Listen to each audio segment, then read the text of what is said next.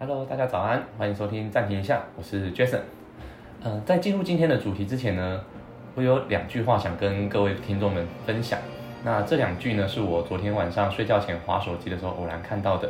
是我们经典的世界名著《小王子》里面的两句话。那首先第一句话是 All grown-ups were once a child, though only a few people remember. 所有的大人都曾经是个小朋友，是个小孩，但是只有很少数的人还记得这件事情。呃，看完这句话，我自己的感觉很深刻，就是我觉得我自己在成长的过程中，要去应付这个我们讲的很现实、很险恶的社会，渐渐的把心中的那一个小孩给隐藏了起来。说到这边，我不禁想到，当时我还在看一部。呃，美式的剧叫做《权力游戏》，应该蛮多人看过的。然后里面有一段话叫做 “Kill the boy, let the man brown”，那意思就是说，在讲述一个人转变成大人的过程的感觉，算是。其实当时我觉得以我的心境来讲，那句话对我的感触其实蛮深的，就是好像我该进入社会了，我该把心中那一个幼稚、天真、白目的小朋友扼杀掉，或者是隐藏起来。甚至于就是逼他长大，逼他变成大人。那经过了十年，呃，对，不多不少，应该刚好十年。当时我看那一部连续剧的这句话，就是在二零一三年吧。那个时候也是刚好我从美国回来，正式踏入了职场，所以会觉得有一种说，嗯，我应该要蜕变成大人的感觉。所以对那句话的共鸣极深，也觉得说，好像我该成长了，我该蜕变了。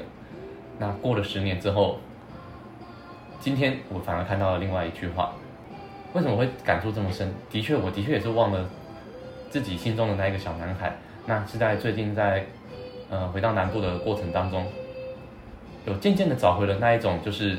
白目也好啊，率真也好啊，但是最重要的是什么？是热情，是对生活的热情。我想各位可能在自己的生命经验中，也可以去想想，在你的童年。是不是也曾经为了一件事情废寝忘食，然后为了一件事情，让你的世界觉得天打雷劈？而我们在成长的过程中，逐渐的忘了这一种，多了算计，然后多了利益上的计较，多了机会成本的计较，渐渐的忘了当时就是那么热情。我一整天就是可以玩机器人，然后玩到六点就是准备看神奇宝贝的卡通，然后看到七点去吃晚餐，吃完晚餐之后再看九点的连续剧《还珠格格》啊或什么的。然后一天就过了，或许吧，在我们可能迈入三十岁到四十岁中间的这个阶段，有时候是需要把自己心中的那个小朋友找回来，去重拾自己对生活的热情。看到这句话，跟各位听众们分享。好，那另外一句话是什么？另外一句话其实跟前面那一段话是相呼应的。另外一句话是这样说的：The biggest problem is not grown up, but forgotten. 翻译过来的意思就是，成长并没有任何的问题，问题在于遗忘。那跟前面那句话相呼应，就是其实成长是我们一个人必经的过程跟阶段。